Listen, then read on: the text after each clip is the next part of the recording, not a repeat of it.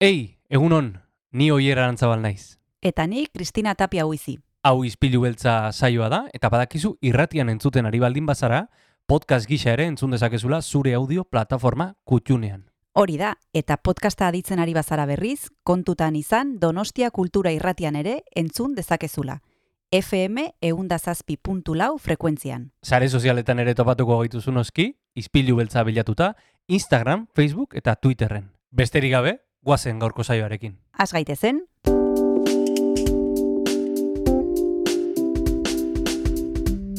Ispilu beltza. Donostiako kulturaren berri, Oyer Arantzabal eta Kristina Tapia buizirekin. Egun honen entzule ostirala da, ez, eh, ez dakit nondan harpatzen zaitugun, baina hau astera doa, izpilu beltza Donostia kultura irratian.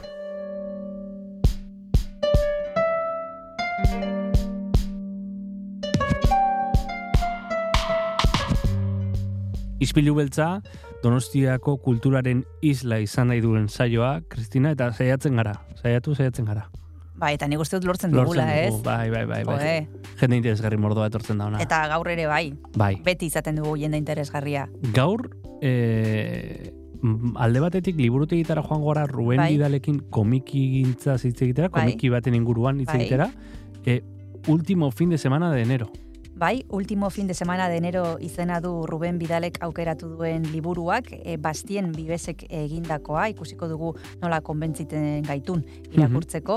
Eta gainera, Anartz Zuazua aktorea izango dugu gurekin, justu Donostia kulturan eskaini behar zuen ikastaro bat, ez da atera azkeneko momentuan, hala ere, mantendu dugu itzordua berarekin eta gonbidatu dugu, eta kontatuko digu zertan dabilen, eta nola den ba, bere ofizioa, Hmm. eta antzerkiaren inguran uste dut badaukala proiektu bat, Borobil Teatro izeneko agrosen, Bai. eta bueno, hainbat kontu aipatuko dizkigu. Bueno, lujo bada anartzua zua bezalako aktore bat izatea bertan, historiko bat delako, e, ikusi dugulako telesail mordoan, ikusi dugulako e, zineman, eta tira gure lankidere izan delakoan, eta hemen anartzua zua, gaurko izpilu beltzean, iruditua zaizu, Kristina, Masier erraraztiri zabalduko diogu batea? Hori da, guazen hasier errastiren musikarekin, eta gero jarraian anartzua zua eta Ruben Bidal. Guazen.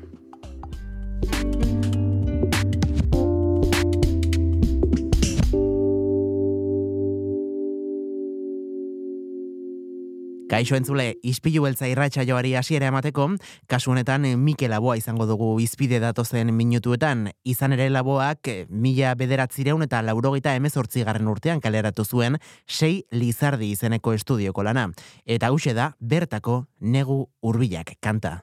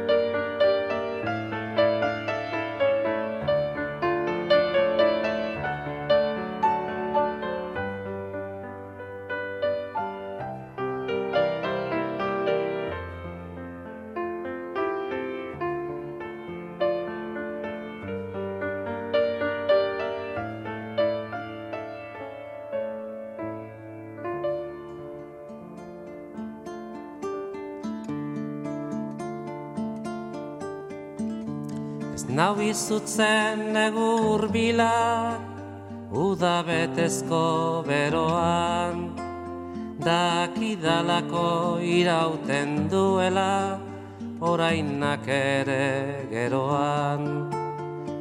Ez nau izutzen negu urbilak, uda betezko beroan, dakidalako irauten duela, orainak ere geroan.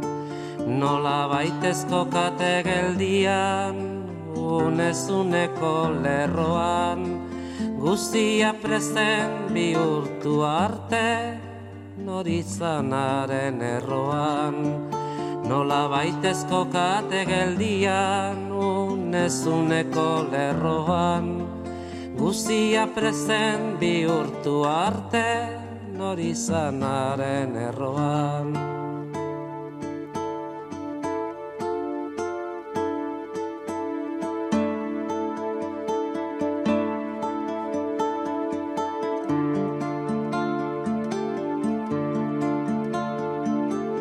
Ez nau beldurtzen egun sentian, arna zuridun izotzak, nun dirudien bizirik gabe, natura zabal ilotzak. Ez nau beldurtzen egun sentian, arna zuridun izotzak, nun dirudien bizirik gabe, natura zabali lotzak Eguzki eder joan guztien argia baitu bihotzak. Eta begien mila ernegai iraganaren oroitzak Eguzki eder joan guztien argia baitu bihotzak Eta begien mila ernegai iraganaren oroitza.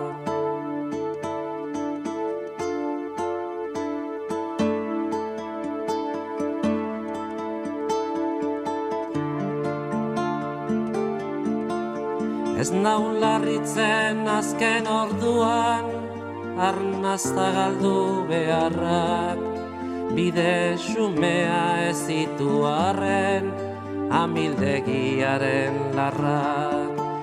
Ez nau larritzen azken orduan arna zagaldu beharrak, bide xumea ez ditu arren amildegiaren larrak. Ardo berriak onduko ditu maaztietan haien zarrak, gure orain arrazoiturik beste batzuen biharrak. Ardo berriak onduko ditu maaztietan haien zarrak, gure orain arrazoiturik beste batzuen biharrak.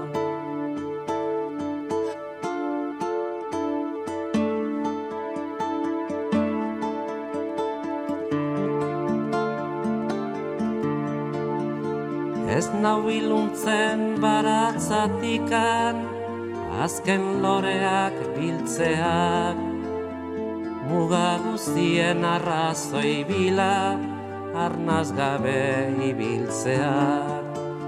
Ez nau iluntzen baratzatikan, azken loreak biltzeak, muga guztien arrazoi bila, arnaz gabe ibiltzea. Arratxaldeko argi betera zentzu denak umiltzeak, amets betezko loa baitakar, behin betirako hiltzeak. Arratxaldeko argi betera zentzu denak umiltzeak, amets betezko loa baitakar, behin betirako hiltzea.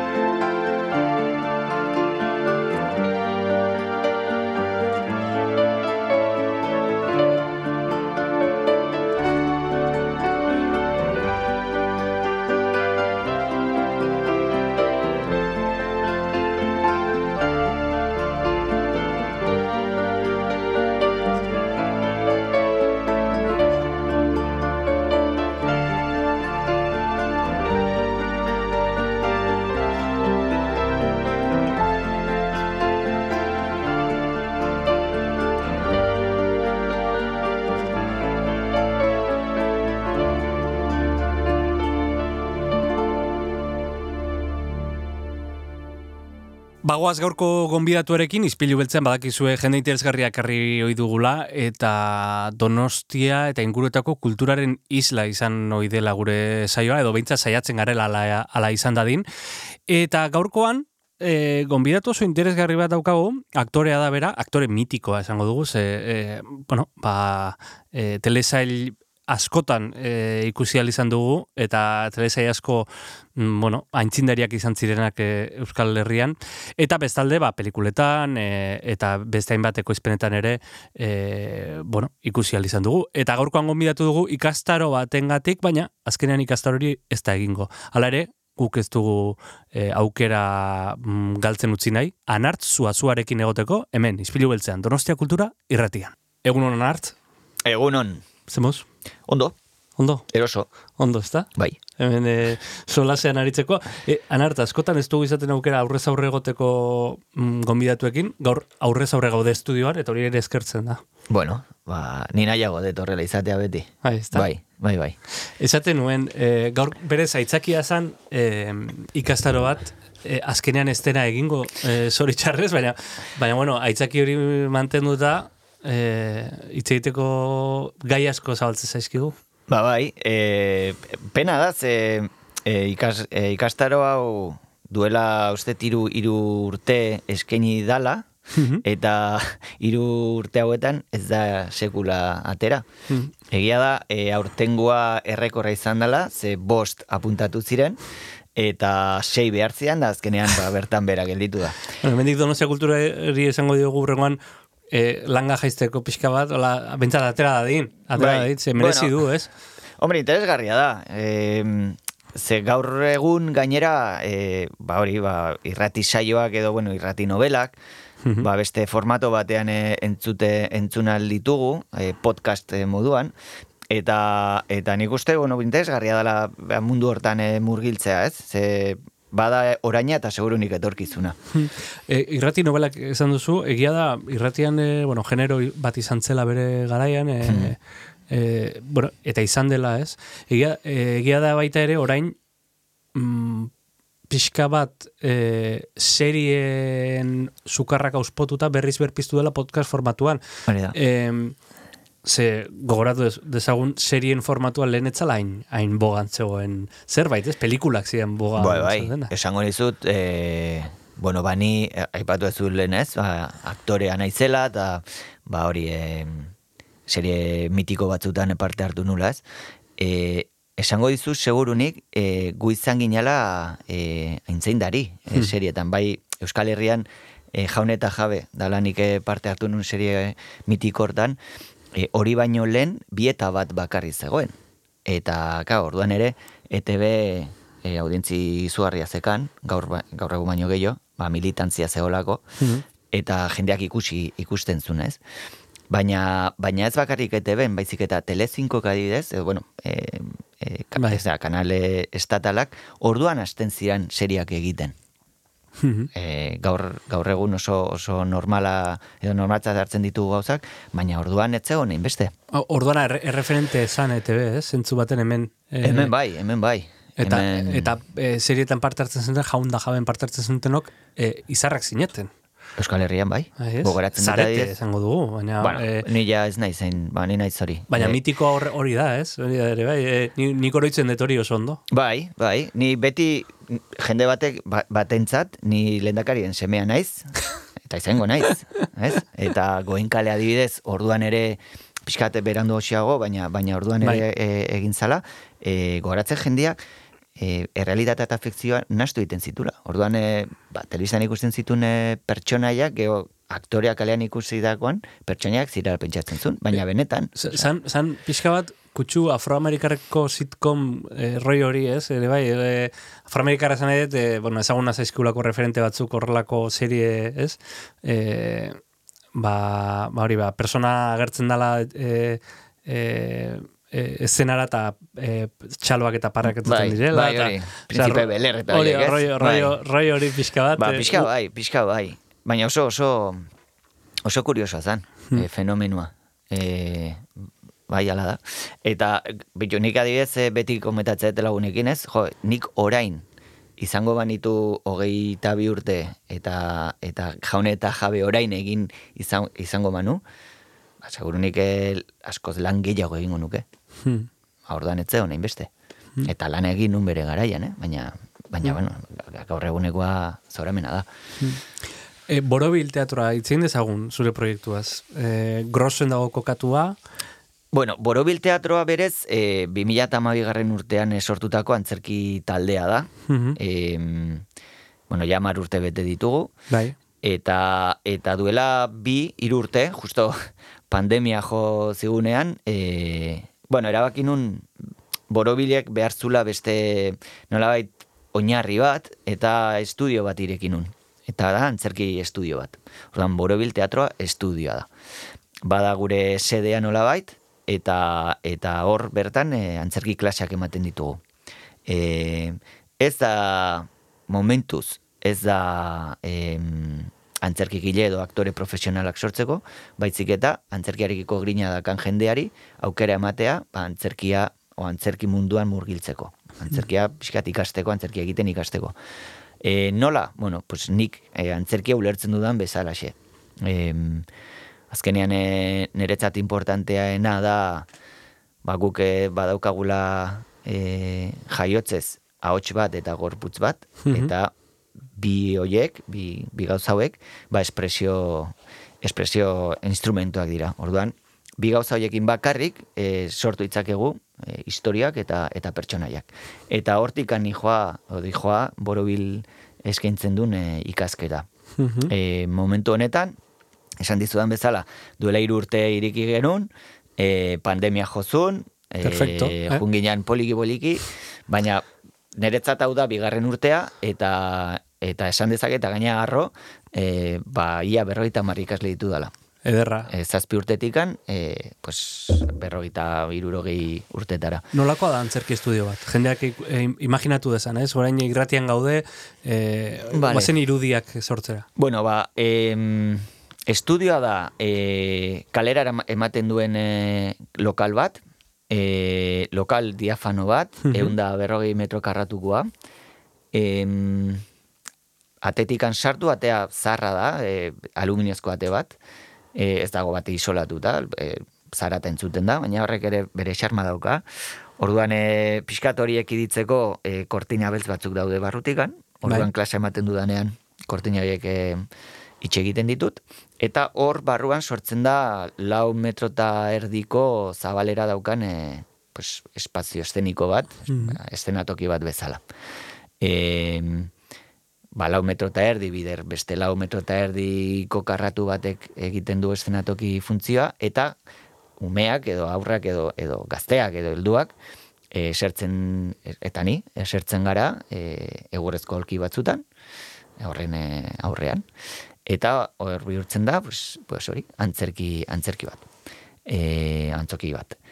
Gero, aulki hoien atzean, lokala jarraitzen du, Bai? badaukagu ezkerraldean e, urre makina bat, eta ara, arago, e, bueno, pues, e, estanteria batzuk daude, mai bat, e, horre ofizina bezala, bulego bezala daukaguna, eta fonduan, e, e, zera, pezera bat, Mhm. hiru arraitxokin. Abeira.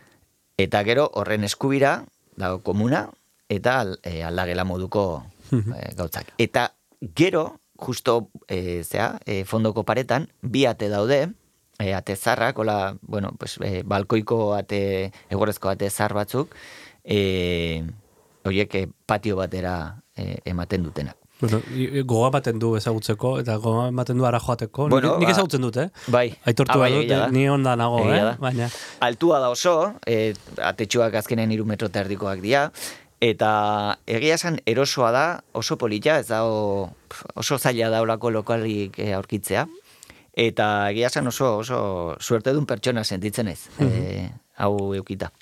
aipatu duzu espresabidea, aipatu duzu ahotsa, gorputza, Bai. en, antzerkia bada ere, izan daiteke jende askorentzat terapia bat ere, ez? Dudi gabe, dudi gabe. Esan, esango nizuke, e, elduek ez, azkadan helduak, e, amabi, amabiko talde badakat, e, asko kol, e, horregatik datozela. Osea, nolaite beste, beste jende batekin topatzeko, e, bueno, pues hori, bere e, sentimenduak at, e, azaleratzeko, e, ondo pasatzera dator jendia bati bat. Egia da pandemia, bueno, pues, e, aldatu gaitula, e, zentzu asko askotan, eta antzerkia pues, bai ematen dula aukera hori, ba, de repente e, e, gizakiago edo gizakitasun horretara bueltatzea, ez? Ze pandemiak bai pixkate aldendu gaitula, ez? Gure na naturalezatik, ez? Mhm. izateko eratik, ez? Osea, de repente bai sortu dula lako e, retxazo bat, ez? E, ostras, e, hori bain ja musuk hori gabe eta hori desberdina baina, baina garai batean, de repente bai, bai sortzen zula agresio bat, ez? E, gure artean. Bai. Tantzerkia azkenean hori behar du, ez? E, ukitu egin behar duzu jendea, osea, e, hor egon. E, sentitu egin behar duzu. Eta, eta bai, nik uste, bueno, beti izan da, ez? Antzerkia terapia bat bezala. Baina, baina bueno, kontuz horrekin ere bai, ze askotan terapia hitza erabiltzen da, eta terapiak eramaten gaitu beste, Hmm. beste mundu bateraz. Antzerkia azkenean da espresabide bat. Eta Arte bat. aparte, baina esan e, bai, e, bueno, antzerkia oso baliogarria da. Anartz, e, beti gonbidatuei eskatzen diegu izpilu beltzean abesti bat gomendatzeko. Eta zuri ere hemen atraizion e, botako dizut gonbitea. Ze, e, ze abesti entzuten ari zara, ze entzun duzu azken bolaran, e, ez du izan behar oso pentsatua. Horregatik ez du gabizatzen, eh? Arrapatzen zaituztegu beti hor kinkan. Bale, boa, ba, ezakit. Egia esan nien nahiko eklektikoa naiz, e, musikan. Mhm. Em, ez dakatola ezer berezirik eskaintzeko, egia esan, eh? Pff, barrapatu nazu guztiz. Eh, Seguro azken bolaran zerbait entzun duzula. Atentzio ditu dizuna. Agian ez du izan behar hain... hain e, Ba, zakit, e, ba, bitu, azken e, bolara nola e, entzuten dudana, hori kotxean joala edo edo gimnasia pixkat egiten dudanean eta e, Yellow taldearen oh yeah. perfecto. Hoxe, En, entzun egingo dugu. vale?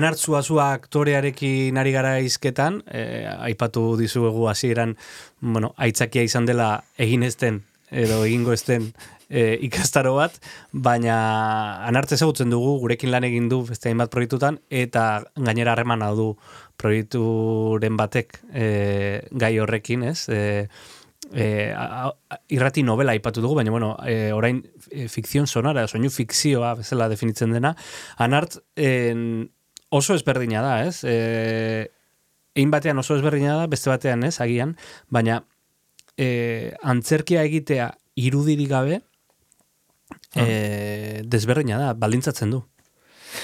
Bai, baina baina espazio utxak ematen dizun aukera e, infinitua da. Esan izut. E, azkenean zuk zure gorputzarekin irudikatu dezakezu e, nahi dezuna.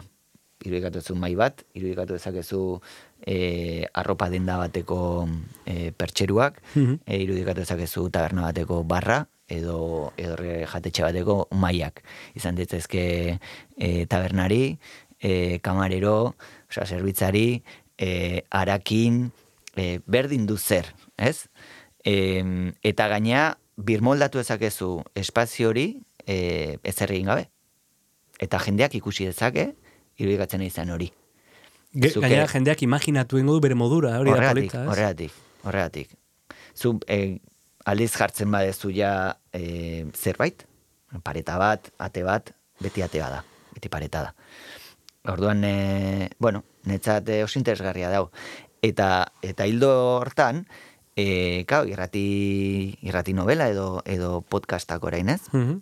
Soinu fikzioak. Claro, soinu fikzioak egiten dituzunean, e, horrek badauka ere zer ikusia e, nire estilo honekin, ba, ez da neria, estilo bai. honekin, ez, egiteko estilo honekin. Ze azkenean, e, ba, zuke e, soinu fikzio bat grabatzerakuan, e, aktoriari edo, edo bikoizlariari, nola bait, e, e, ikustarazi behar diozu, e, dagoen espazio hortan. Hmm. Hori. Hor, e, archipelago aipatu behar dugu, bai. ezinbestean, e, bit demoralitan koinzitu dugu proiektuan, izan zera aktore zuzendari, eta baina irugarren bat e, egitera goaz. Mm. E, esperientzia oso polita izan da, bai. eta tokatu zegu lan egitea, e, tokatu zegu lan egitea, e, aktore, mm -hmm. bikoiztaile, mhm. eta, bueno, e, pelaje askotako mm -hmm. e, e, aktorekin, e, nola, nola sartzen da personaian e, estudioan aterrizatu duen aktore bat, ez? Nola sartu giroa, nola lortu matizoiek, hain garrantzitsua diren matizoiek? Bueno, ba, esaten dudanagatik, ez? E, egin behar dezuna da, e, bueno, aurreko lan bat, zuke oso garbi izan, e, bueno, eta zuzendariarekin hitz egin da, ez? E, nun kokatzen dan e, historio hau, edo mm. momentu, momentu hori, e, ze elementu dauden ere bai, e, bueno, eguneko ze garaia den. Azerre dagoen ala, ez? Hori gero, eh? baina esan izu, bai. atmosfera sortu behar duzu, ez? Eta atmosfera sortu da gero hori, hori, bueno, pues, eh, aktoriari eh, esplikatu, ez? Beak eh, sentitzeko edo beak kokatzeko ere bai. Eta gero, eh, niretzate erronka hundiena, eh, izan da, eh, ahotsen tonuak eh, erabil, erabilalizateaz. Osea, ez da berdina barkuaren... Eh, e, kanpoan eotea, osea, kubiertan eotea, bai. ez, e, non aizea dago, eta bueno, distantziak injolastea, edo leku itxi batean, e, leku itxia, haundila txikia, e, gatibu badin bazaude, horre, bueno, kalabozo moduko hortan, e, zer dago, e, edo mangladian, ez, de repente, bai. ba hori, ez, e, kristone, vegetazioa dagoen leku batean, zaratak, e, ze, klar, guk hori ez dugu entzuten. Hmm. Orduan, guzti horrekin jolastea, e, utxean, erronka handia izan da, eta Eta bueno, ni oso oso kontentu nago emaitzarekin. Hmm. Atlipak, ez? Atlipak, Atlipak, claro. Eh, hori ere ez garrantzitsuak diren, eh? Aztute zeskigu. Bai, bai. Eta gero jendeak eh, ikusi, ikusi beharko luke eh, egin ditugun zenbait efektu, ez? Ze, claro, e, bueno, hori, ja, sopa jaten dute, beste batzutan edan egiten dute, ardo, ardoa edaten nahi dira, eta beste batzutan derrepente itotzen ari dira e, itxasoan. Bueno, ba, nola egin ditugun horiek, e, ba bertan, ez? Bueno. Eta oso, oso, oso, egia esan oso, oso kurioso eta oso interesgarri izan da. Esperientzia polita intensoa, e, irugarren denboraldiarekin goaz, eta gainera jakin dugu, bez, e, onda sarietara Mm. nominatua izan dela, bi, bi hautagaizetan, hori ere ekipo zorentzat pozgarria, ez da? E, Jode. egindako lanaren frutua. Bai, bai, bai, indikan ere esan deza, arro egon bergea, hori, euskerazko fikzio bat e, horre eristea, ez? Mm. Pasada da. Bai, bai. E, zertan bereizten da aktorekin rodaje batean lan egitea eta estudio batean lan egitea? Pues, a ber, nik eh, zuzendari bezala, e, zinean rodaje batean e, esperientzia bakarra daukat, ze nik labor metrai bat bakarrik eh, egin dut momentuz, eta ba dakit zer esan. Em, nik uste aktorek em, oituagoak daudela, em, bueno, ba, zinean lan egiten, edo telebistan lan egiten. Azkenean, em, e, zineak eta telebistak em, bai daukate, em, bueno, pues, em, dekoratu, benetako dekoratu bat, ez? E, Mhm. ba, ez dakit, e, logela batean balin bat zaude, ba, logela batean zaude, oe batean zaude, eta ondoan daukazu zure zure partenerra edo zure zure bikote hori. Em, claro, estudio batean azkenean zutik zaude atril baten aurrean. Orduan, em, bueno, pues irudimenarekin jolastu behar duzu askoz gehiago, ez? Em, hor dago gero, pues, claro, zuzendari baten, em, ezakite, em, pues doaiak, ez? Eh, aktore hori zuzentzeko, bari esaten de, genuen eh, horrekin, ez? Nola, nola aktoriari eman atmosfera eh, zehatz bat, bea ondo kokatzeko eta bere lana da defendatzeko, ez?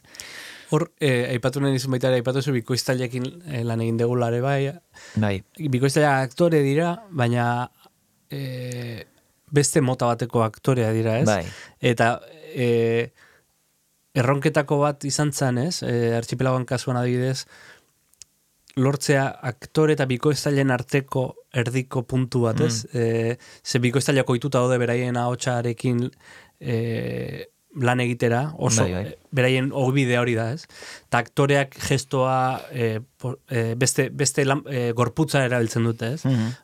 kuriosoa da, ez? Matizoe kuriosoa dira, eta, eta ze- zeinen desberdina dian bi, bi munduak, ez? Bai, e, bai, eta nik uste hori eh, archipelagoa hori jakinez, bo, igual jendeak etzekin, ez? Baina hori jakinez, konturatuko zea, bikoizlariek igual daukatela puntu exageratu bat, eta aktoreak e, e, juten dira gehiago, nolabait, e, e, beneko, beneto, benekotasuna ematea, ez? Mhm. e, e, organizidadea ditzen dana Mm. gure, gure hizkuntzan, ez? Osa, esan ez, Bai, bai. hizkuntzan. Eta hala ere, bilak e, entzun da, nik uste ondo gelitzen diala. Bai, ez da? Bai, nik uste baietz. Baina bai e, aktoriak e, bai jotzen dugula beti nolabait hori, organizidade e, hori ematea, ez? Osea, negarrez e, balima dago, ba negar egiten dugu, ez? Bai. E, Zea, e, bikoizlari batek negar, negar egiten ari dala egiten du, ez? Eta, bueno, pues, e, sinisgarria da. e, azkenean entzuten dezunean, haizu, pues, ez da gaizki gelditzen, eh? Bai. Nik egia esan, e, bikoizlariak ez nitun e, zuzenean e, lan egiten ikusi, sekula. Eta, eta flipada bada. Admi, Osea, admirablea da. Ni flipa, flipatu dut. Flipatu dut nola de repente sartzen dian kabinan, porque azkenean zaki jendeak dakin, baina grabazio estudio bateko, bueno, aktoreak edo bikoizlairak egoten diren lekua, ba, pezera ditzen zaie, dalako habitakulo bat, Bai. e, ba, leio handi batekin, kristalezko leio handi bat, e, ez da zer entzuten, orduan dena mikrofono eta kaskoetatik e, esaten dezuen entzutezu.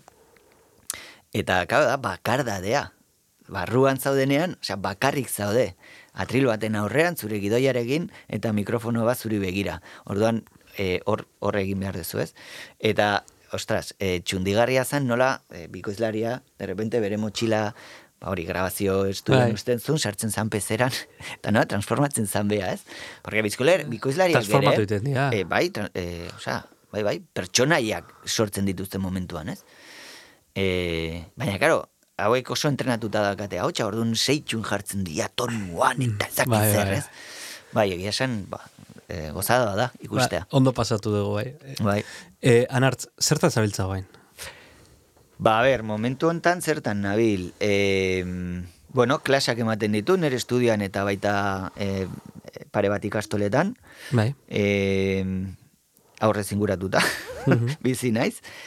E, nabil e, e, antzerki lan bat, e, bueno, pues, e, jiran e, gaude, e, Narciso izeneko antzerki lan, bueno, borobileko azkenengo produzioarekin. Mhm. Em, bultzatzen ari naiz beste produzio bat dala jokoz kanpo.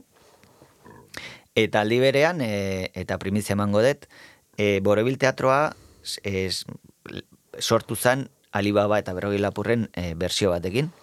E, gure book insignia da, egin dit, ja, amar urtetan egun da larogei emanaldi egin ditugu, oaindik ere jarraitzen dugu, eta nolabait amar urte hauek ospatzeko e, berriz e, eskainiko dugu irailetik aurrea, bai euskeraz eta bai gazteleraz.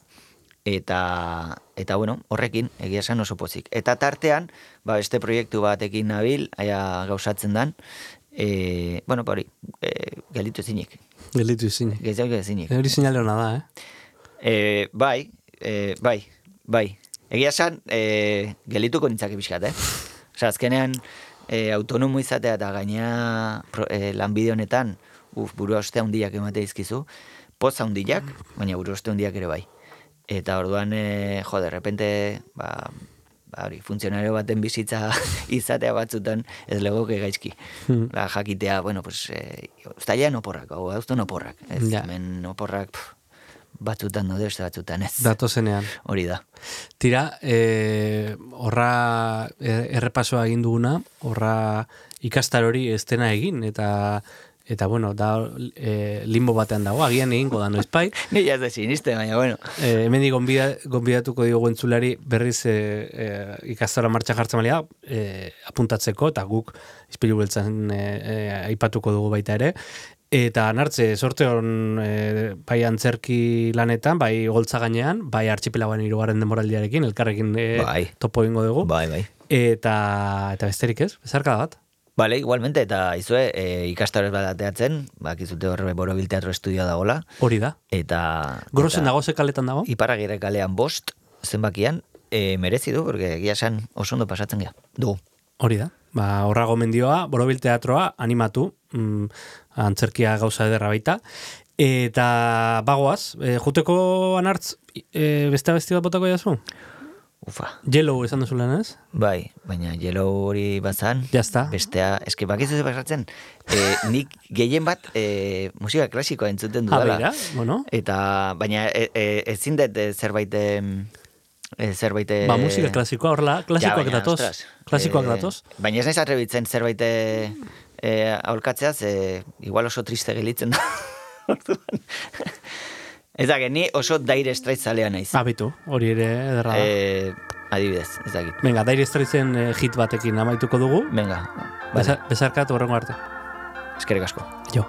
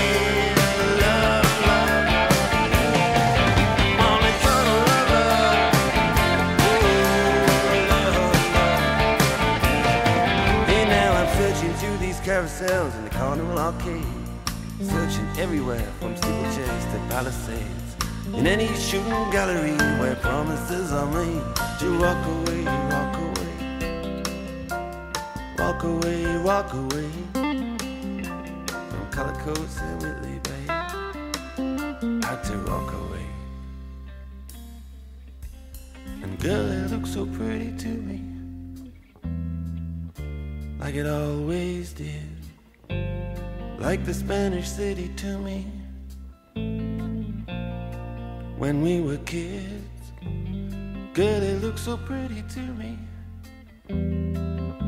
like it always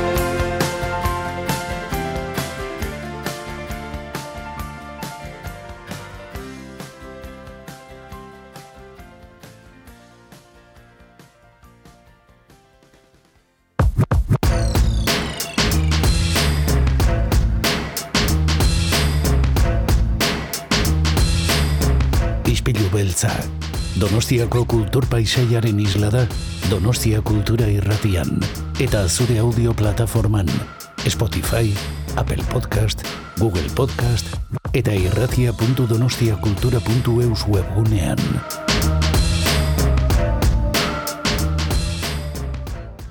Gaur ostirala da entzule eta hasieran iragarri dugun moduan e, literaturari buruz hitz egingo dugu. Badekizue ostiraletan liburutegitara joaten garela kasu hontan egiaraino joan gara bertan daukagu Ruben Bidal liburuzaina eta badekizue berak beti aukeratzen dituela komikiak.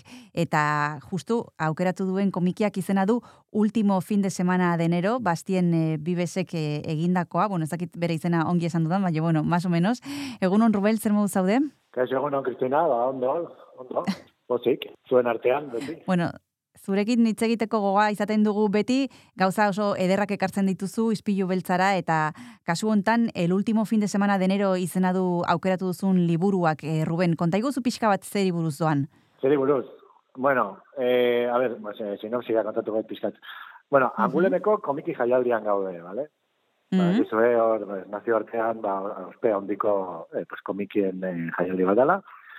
Eta bertara, pues, Pariseko marrazkilari bat gertara, gerturatuko da, ez? Pues, lanera, ez? Pues, Denis, izeneko bat. Pues, komikiak sinatu, itzaldietan parte hartu, eta horrelakoak egitera. Eta bueno, pues, erdon, pues, deskribatzen dugu pizkat, ez nolako da, ba, komikien mundua, baina barrutik, ez? Kada, kanpotik pentsatzen dugu, ba, ba, oso divertigarria da, ez? Da, ba, beti marrazkiak egiten, da, eta, eta, bueno, baina, mm, hemen egileak egiten duena da, pues, errutina hori, ez? E, islatu, lan ordua maigabea, famili, gero, protagonistarien famili kompromisoak, eta, bueno, nunbait dauka e, semearen, ba, eskotza, eskon gaien aurkezpena dauka, Parisen, da, pues, hmm. orduan, ba, aldun e, lehen bailen itzuli behar duela, ez da, eta, bueno, eta eta hori hartu da, eta, bueno. E, eta, bueno, pues, e, olako errutina murgilduta dagoela, de repente, pues, e, osinatzen da, dagoela, eh, emakume bat azaldu da bere mm -hmm. bizitzan. eta, gero, bueno, areke liluratuta geldituko da, eta, ba, bueno, pues orduan, e, azte buru motza izan dartuen hori, ba, bihurtuko da, ba, pizkat luzeagoa. Ah. hori da planteamendu, ba. Eta, bueno, bere bizitzako azte buru izango da. Oso ondo, ba, planteamendu horrekin eta amu horrekin, ja, utzi gaitu pixka bat e, oso pendiente, baina tartetxo bat hartu behar dugu, Ruben, eta badekizu hortarako abesti bat eskatu behar dizu eta segituan gara bueltan hitz egiten e, liburu honen inguruan, asteburu intentxo honen inguruan. Ruben, ze pentsatu duzu tartentarako? Bueno, ba, kantuan izan da gaia dela, pues, amodioa, eta amodio nekatuak, ezinezkoak, olakoak, mm -hmm. pues okurritu zait, etorre ze buru da, ba, adibidez, da, desayuno con diamantes, eh, mm. eh, sueño gamba, mm -hmm. Ederki, ba, guazen entzutera.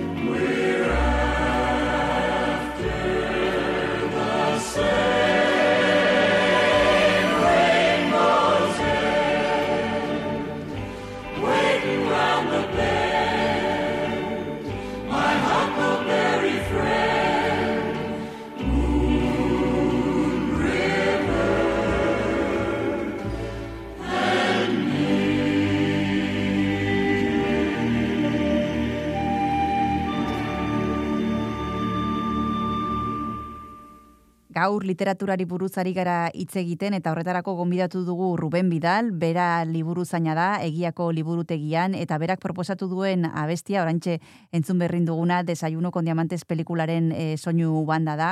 Justo, ari gara hitz egiten berak aukeratu duen komikiari buruz, e, Bastien e, Bibesek e, egindakoa, e, idazle eta historia gile frantzesa da, oso gaztea, mila beratzireun da larogeita laukoa, eta izena du komikiak hain zuzen ere, último fin de semana de enero, e, kontatzen du bertan e, autoreak, ba, nola dan e, komiki gile baten bizitza, nahiko bueno, normala edo arrunta esan dezakegu dela, baino bapatean agertzen da emakume bat angulemako ferian eta horrek dena aldatzen du. Kontatu dezakegu zerbait gehiago edo gehiegi kontatzea da Ruben? Me, bueno, aipatu dut eh, amodio ezinezkoen gaia jorratzen dela, eh, amodio debekatuak, Mhm. eh? Bueno, ez dakit, eh, ez dakit gauza baten dit, eh, igual zerbait eh, aurreratzea, baina bueno, hori jakin da. Horrutziko dugu hortan. Guazen hitz Bueno, egitera gero- gero eh, testuei buruz, mingaina, bai esan. Mingaina berotuko zait eta kontatuko dut olako, olako... baina, bueno. Momentuz horrutziko dugu, nik dut, eh, amua oso interesgarria dela, asteburu bat, eh, non pasatzen den zerbait berezia, eta da, emakume honen, eh, bueno, agerpena edo, horrek aldatuko dio bizitza, edo behintzat asteburu hori, Denis eh, Xupin izena duen eh, marrazkilariari, dala komiki honen eh, protagonista, eh, erreparatu behar diogu orain, eh, bai marrazki eta bai testuari, Ruben, zer esan dezakezu bi gauzen inguruan, nolakoak dira marrazkiak? Bueno, eh, lehenik eta baina aipatu behar da, Bastian bidez dala gaur egun, bueno, maizua da, eh? Eh, Gaztea Mhm. dala aipatu duzu, bai, uste togaita mazortzi bat Bai. dituela. Baina Bai, bueno, bai, gaztean eretzako, klaro, hor, agian norbaitentzako ez dainen gaztea. Ja, bueno, niretzako ere bai gazte. Baina benetan maizu ba, eh? Beti egiten ditu Aha. eh, oso komiki bereziak gai guztia jarra, jarratzen ditu. Eh, komiki historikoa, Aha. ba, egunerokotasuna, pues, gaur, eh, osea, hau kontatzen du bezala. Eh, nahi, Aha. berak nahi duena egin dezake. Eta gainera ah, manga ere egin izan du. Eh, aurreko, Ah. nik uste eta aurreko batean ere gomendatu nuela hemen Last Man seriea, manga, manga Mhm. itxurakoa, Mhm, edo estilokoa. mhm. Eta, bueno, marrazkiak zoragarriak niretzat, eh? Da, lau, lau marrakin, eh, ba, adierazkortasuna da, ez dakit, mundiala, ez esan. Eh, lau, marrak, lau marrakin egiten ditu. Eta adibidez, emakume hau, Bai, eh, gaurko protagonista, bai. eske lau marrakin egiten ditu, beti, komiki osoan. Eta, e, eta ala ere, adierazten du magnetismo bat emakume horrena, eh, pues, hor, desira eta nola, eh? Osea, kamp- eh, protagonistaren desira eta jo, emakume ba, ba, ba hori ba, erakargarria eta Mm. magnetikoa eta ostra, eta hori inin behar da, eh? Osea, lau marrakin. Eta mm batzutan begiak ere ez ditu margotzen. Mm. Alegia, osea, eske lau trazo txiki egin da, eta eta kare, Mhm. ikusten da hor, pues, eh, pa, eh, parista, bueno, ez dakit paristarra da, bueno, berentu. Eh, ba, hori elegantea, eta ez dakit ze, eta eh, eta lehen gaitzetea da, jo, ostra, ze, ze, ze, pues, ba, hori, ba, adierazkortasun Mhm. hori, ez da? Estilo hau, eh, errepikatzen da bere liburu guztietan, eh, Ruben, eh, ikustezakegu bere zigilua dela oso eh, eh, marra gutxikin adieraztea hain ondo, edo ga, eh, be, liburu ontako gauza bat da. Est, estilo, a ber, moldatzen du gaiaren arabera, Bai. baina bai badauka la marka pertsonala, Bai. bai, oso, pues, oso ezaguna egiten dana. eh? Aha. Bazaituzu, manga baldin bada, manga itxurako bada zerbait egiten du, baina bere estiloarekin. Mhm. Osea, beti, eta nire esatizut, eh, gaur egun dauden komiki gilen artean, ba, onenetariko bat, ziur, Mhm. ziur, ziur. Mhm. Esatizut, nahi duena egin dezake berak, eta egiten. Eta, eta testuak, em, Ruben, e, zer esan dezakegu, historia erresa da, ulertzeko erresa, jarraitzeko erresa, e, iztegia erabiltzen duena, mm, baita ere ulerkorra, nola, nola irutu zaizu, zer? Bai, oso ulerkorra, eh? E, bueno, dialogak eta elkarrizketak eh, pues, eh, oso laburrak dira, eh? E, gehien bat, pues, eh, irudiari ematen dio garrantzia, eta bai, plano, gehienetan da plano subjetiboa, eta, bai, barkatu. E, eta, bueno, pues, hori, adierazgarritasuna ematen dio marrazkari. Baina, ba, badauzka horrelako eh, esaldi edo esakuratxoak nik bat azpimarratu Bai. dut, gustatu zaitena, ba, bueno, ba, elkarrekin hasi dira elkar ezagutzen, ez, e, gure protagonista Deniz eta emakumea, eta, bueno, emakumea e, feria edo jaialdi hortan ezagutu du, baina bera, emakumea ez da oso komikia jarraitzen ditu, ze Frantzian oso, arrunta da komikik irakurtzea, eta baita helduen artean ere bai, E, baina emakumea etorri da bere senarragatik, ez? Oso Mm. fan Mm. amorratua da, eta, bueno, ba, jonda, jonda, ba, sorry, sinadura bat lortzea, eta Mm. bar, eta, bueno, ba, horrekin, ez, ja, hasi da, agutu dute, eta, bueno, ja, se montó el Belén. eta, eta, ardun, e, bueno, ba, hori, e, berari komikiak ez tezkio gehiago gustatzen, ezagutzen ditu, hola, baina, eta ez dakit zertan zetorren hau, beli hau. Bai, ez, te, testu, baina? testuei buruz, esan duzut ez direla elkarrizketa Ah, bai, bai, luzeak. bai, bai, que, que, ba, ba, vale. Eta arduan, alako bat, bai, bai, bai, naztire. Alako batean emakumeak esaten dio eh, komiki gehiari, bueno, gazteleraz eh, dago, Bai. Eta esango dut. eh, los cómics son un arte de muchachitos heridos, ¿no le parece? Eta, joder, hau irakurrita esaten. Pues, pues, pues, ba, bai, ba, bai, es que bete, bete, claro, Claro, bea komikilaria, Bas- Bastian Bibes, eh, ikuspuntutik esate, bea jakin, bea jakingo dut, eh, zen, zen olako pitzadura daukat. Baina, bai, da, pizka, jo, eh, esa, egin zaitu oso, esan guratxua, ez? Muchachitos heridos, jo. Mhm. Egia, egia, Mm. poca. Interesgarria, interesgarria definizioa, muchachitos heridos, Bastian Bibesek egiten duena e, komiki gileena, eta jarraituko dugu hitz egiten, ze oso interesgarria da aipatu duzun e, kontzeptu hori, Ruben, baina bigarren tartetxo bat hartu behar du, eta horretarako bigarren abesti bat eskatu behar dizut. Lehen aipatu duzu desayuno diamanteseko soinu banda, eta orain ez dakize pentsatu duzun bigarren tarte honetarako. Bueno, ba, be- beti amodioaren hildo hortatik abiatuta, pues, aukeratu, eh, aukeratu dut los puentes de Madison, eh, Bueno, bueno. Oso ondo, Ruben, guazen entzutera.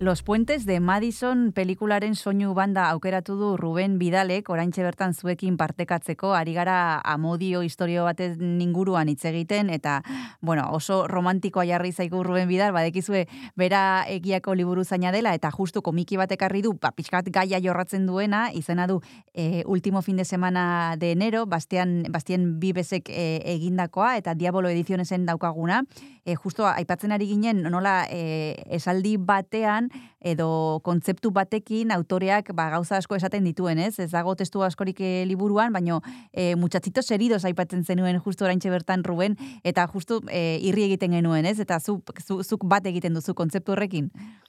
Bai, bai, egiten bai, ez daukala kutsu hori, ez, komikiek daukate kutsu hori, ba, piskate, mm. Pues, eldutasuna lortu ez dute, bueno, ba, da, ez dakit, ez dakit, eh, bueno, igual ere bandean egon gara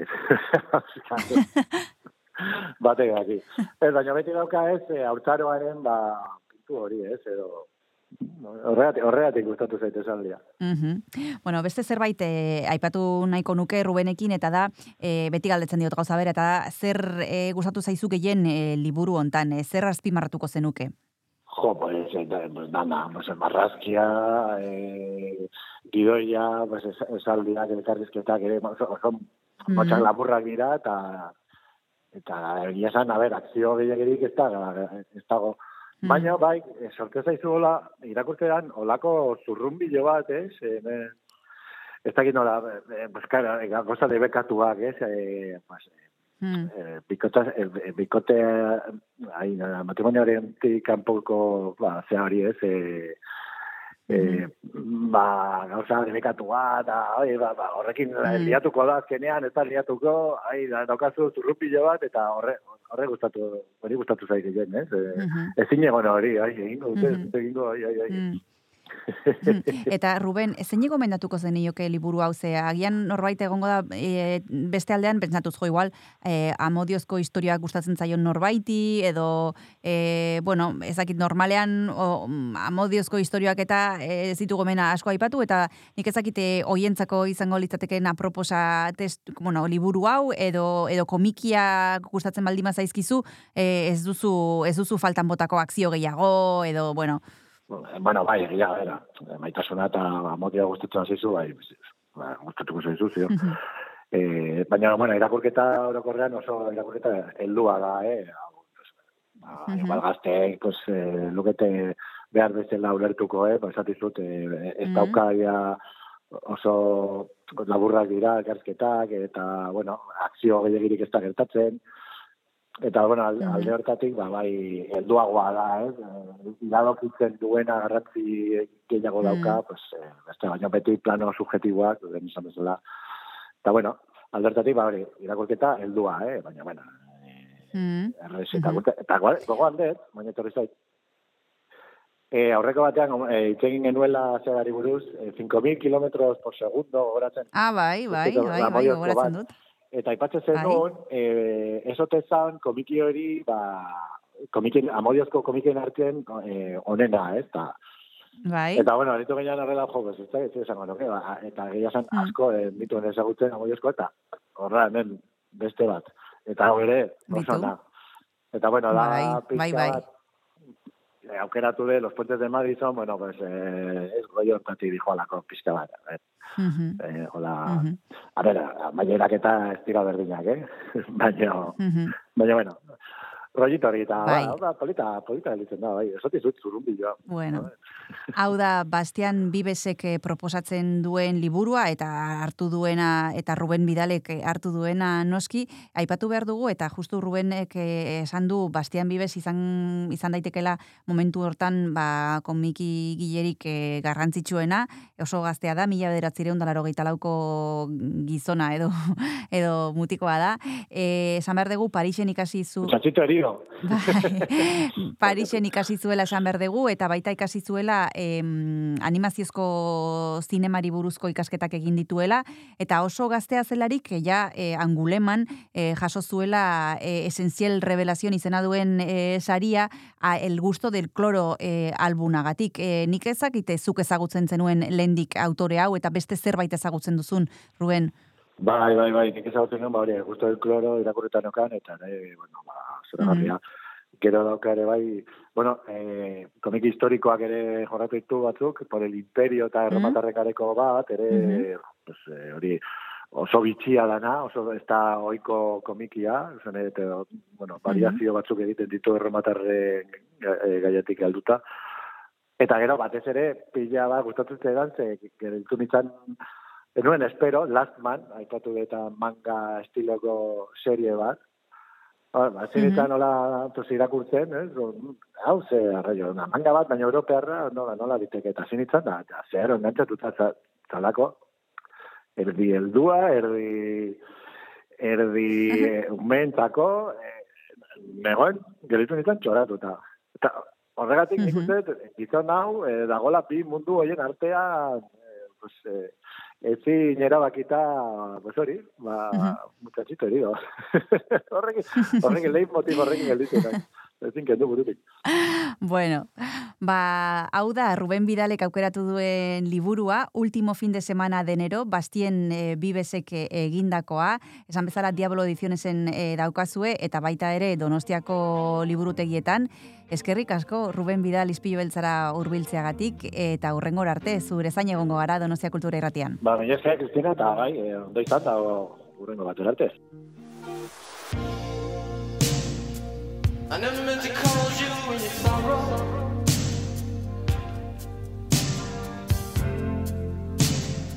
I never meant to call you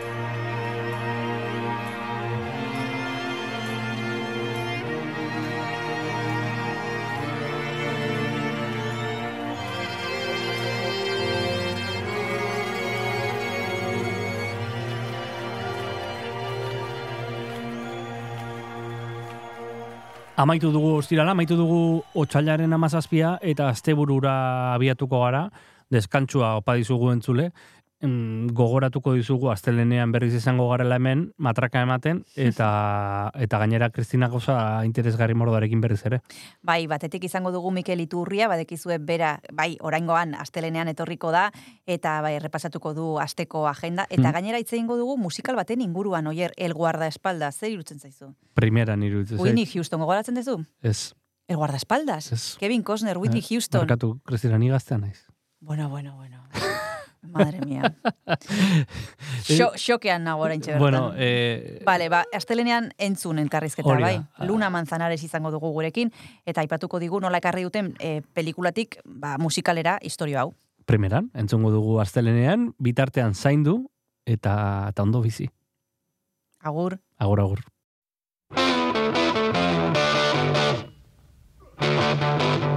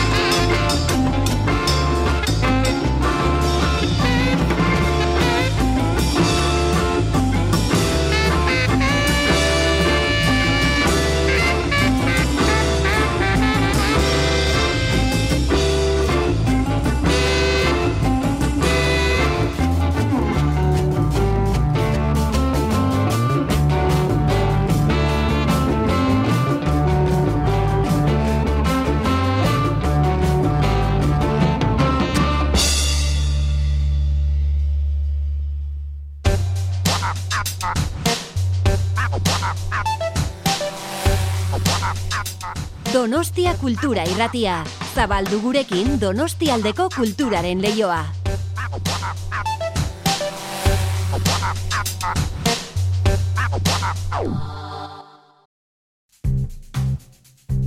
Kanta katilua. Kaixo entzule, ongi etorri ispilu beltza irratsaioko kantakatilu musika atalera. Badakizuen aiz eta Oier eta Kristina agurtu ditugun oraindik irratsaioak aurrera darraiela, eh? Eta esan bezala datozen minutuetan musika kontuak izango ditugula izpide hemen Donostia Kultura Irratian. Gaurkoan tarte musikalari hasiera emateko Atomic Jazz taldea izango dugu protagonista, kasu honetan eh, Big Bang estiloan, eh, bueno, ba gustura mugitzen eta aritzen den taldea hau eta beraien Conrad's Hop Om kantua duzue jarraian entzongo duguna.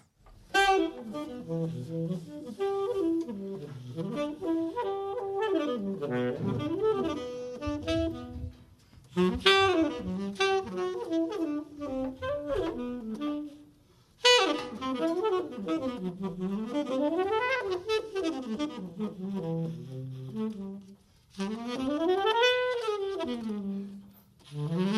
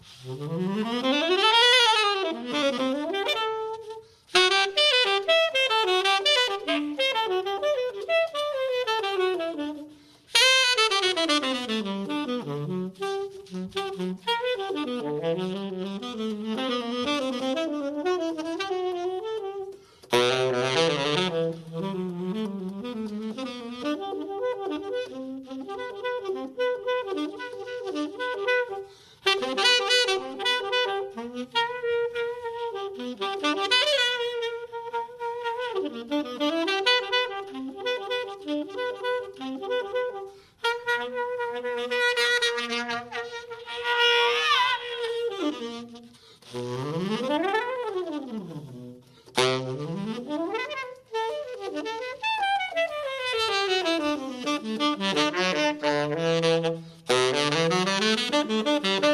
you.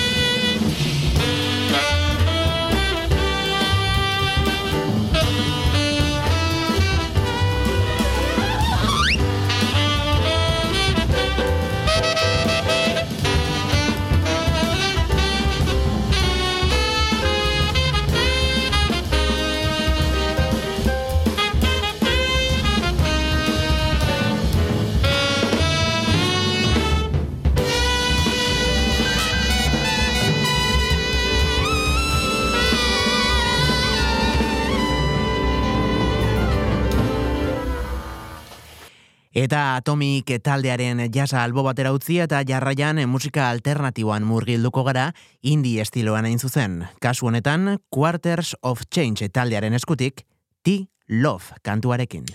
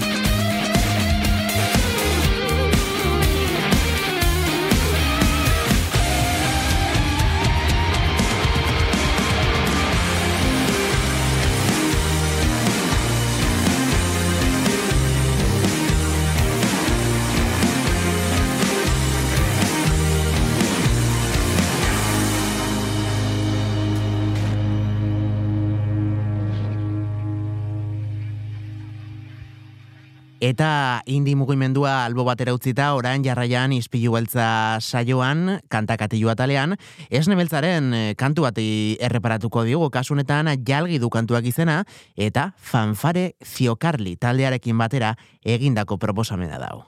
Thank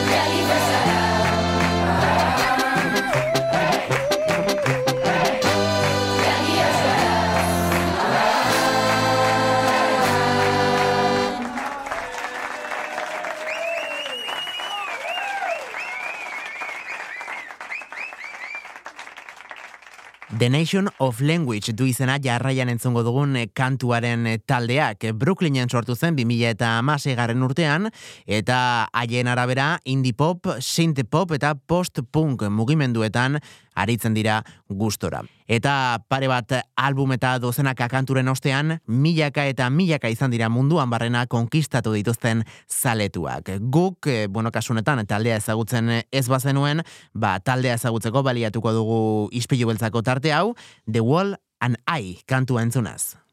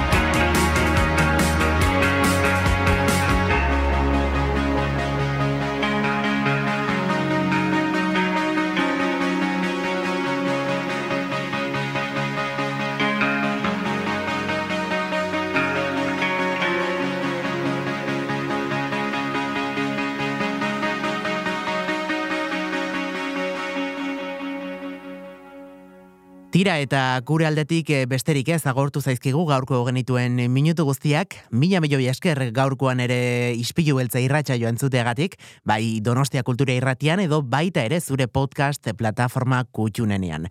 Gu astelenean itzuliko gara, elkarrizketa, kultura eta musika gehiagorekin. Ordura arte, txintxoak izan. Agor!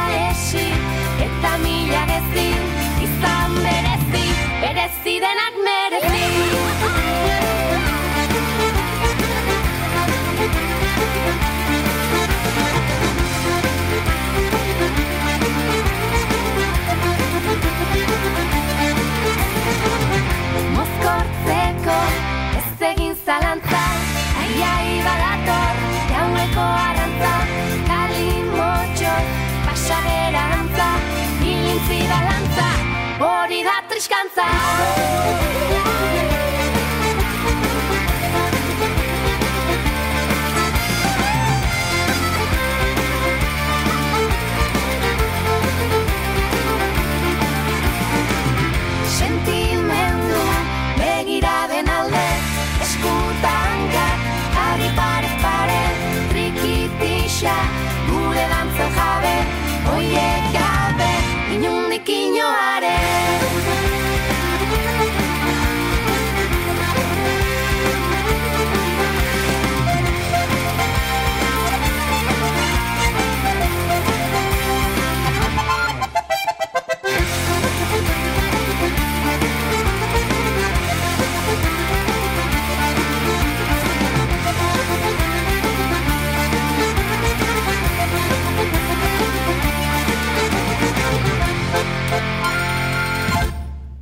Ispilu beltza podcasta entzungai duzu irratia.donostiakultura.eus webgunean, Spotify, Apple Podcasten, Google Podcasten edo zure audio plataforma kutxunenean.